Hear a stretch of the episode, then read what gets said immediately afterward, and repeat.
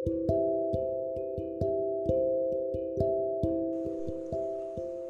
semuanya, kalian apa kabar? Gue harap kalian baik-baik aja ya. Jangan lupa pakai masker kalau mau keluar.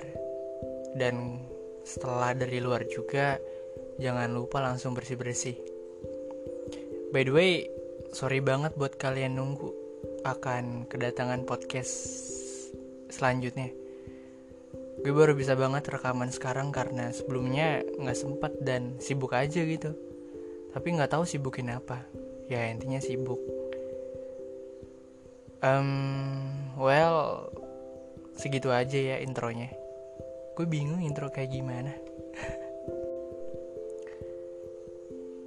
Jadi buat malam ini gue bakal bawain podcast sesuai judul. Cinta itu nggak harus memiliki selalu ada alasan kenapa kita dipertemukan sama orang termasuk saat kita harus menghadapi kenyataan melepaskan orang yang kita cintai. Benar, cinta itu emang gak harus memiliki. Tapi bukan berarti itu akhir dari segalanya. Urusan hati sama perasaan itu emang gak bisa dipaksain sih. Kita gak bisa gitu aja ngebuat orang yang kita cintai punya perasaan yang sama kayak kita. Ada kalanya emang jalan terbaik buat kebaikan bersama yang ngelepasin orang yang kita cinta. Walaupun emang sakit, tapi bisa jadi melepaskan orang yang kita cinta itu emang jalan terbaik buat kita. Nggak pernah ada yang baik-baik aja kalau kita ngerelain orang yang kita cinta terus pergi gitu aja. Sakit hati rasanya kalau ngeliat orang yang kita cintai sama orang lain. Tapi dengan belajar mengikhlaskan itu, kita juga belajar untuk lebih kuat biar ke depannya kita bisa lebih mudah menata perasaan kalau ada seseorang yang baru yang hadir di hidup kita. Kalau ditanya, apakah kita pernah mencintai seseorang yang gak bisa kita miliki? Jawabannya pasti iya. Jadi, gue punya pengalaman pahit di mana gue jatuh cinta sama seseorang yang nyatanya gak pernah bisa gue miliki. Kalau dibilang sakit ya sakit banget. Karena gue sadar, seberapapun besar cinta gue yang gue kasih, seberapa besar pengorbanan gue yang gue lakuin, ya hasilnya nihil. Tetap aja dia nggak bisa jadi milik gue.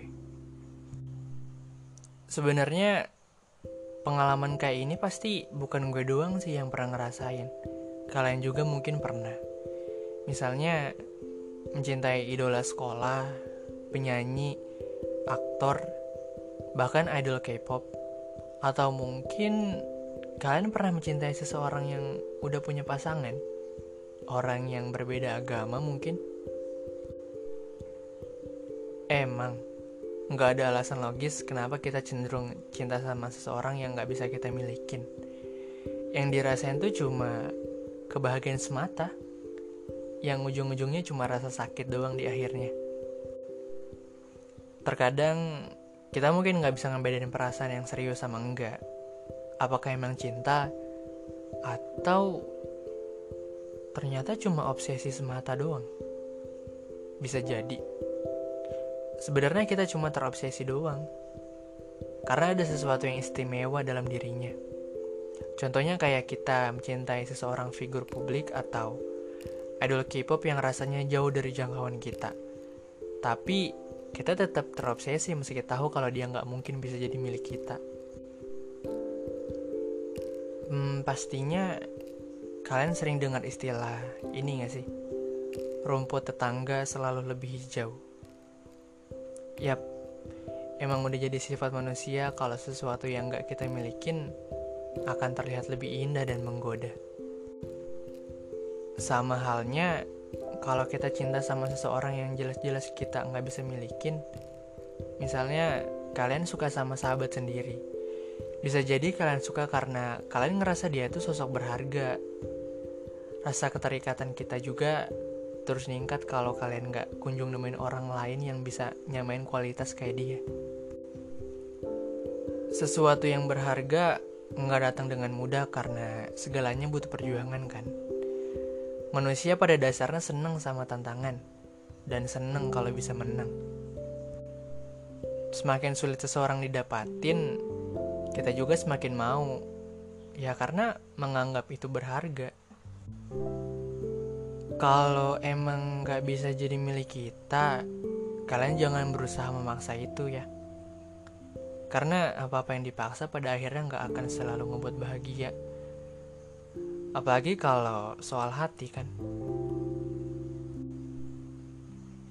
Kalau pada akhirnya kalian gak bisa bersama orang yang sering kalian sebut namanya dalam doa, mungkin kalian ditakdirin sama orang yang dim-dim sering sebut nama kalian di doanya.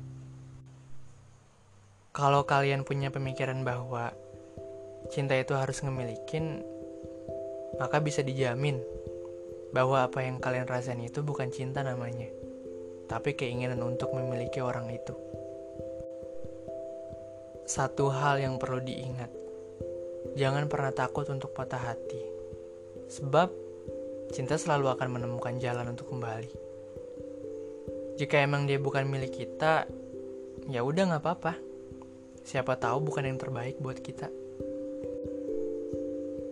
Walau mencintai nggak harus memiliki, selalu ada kesempatan baru untuk membuat kita bahagia kok.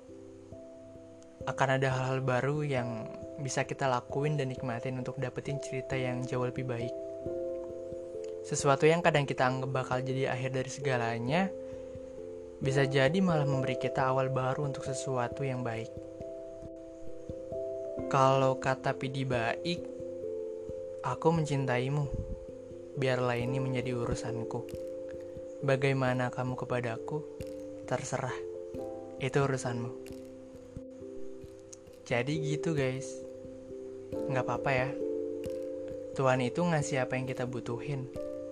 Bukan apa yang kita mau. Dari gue.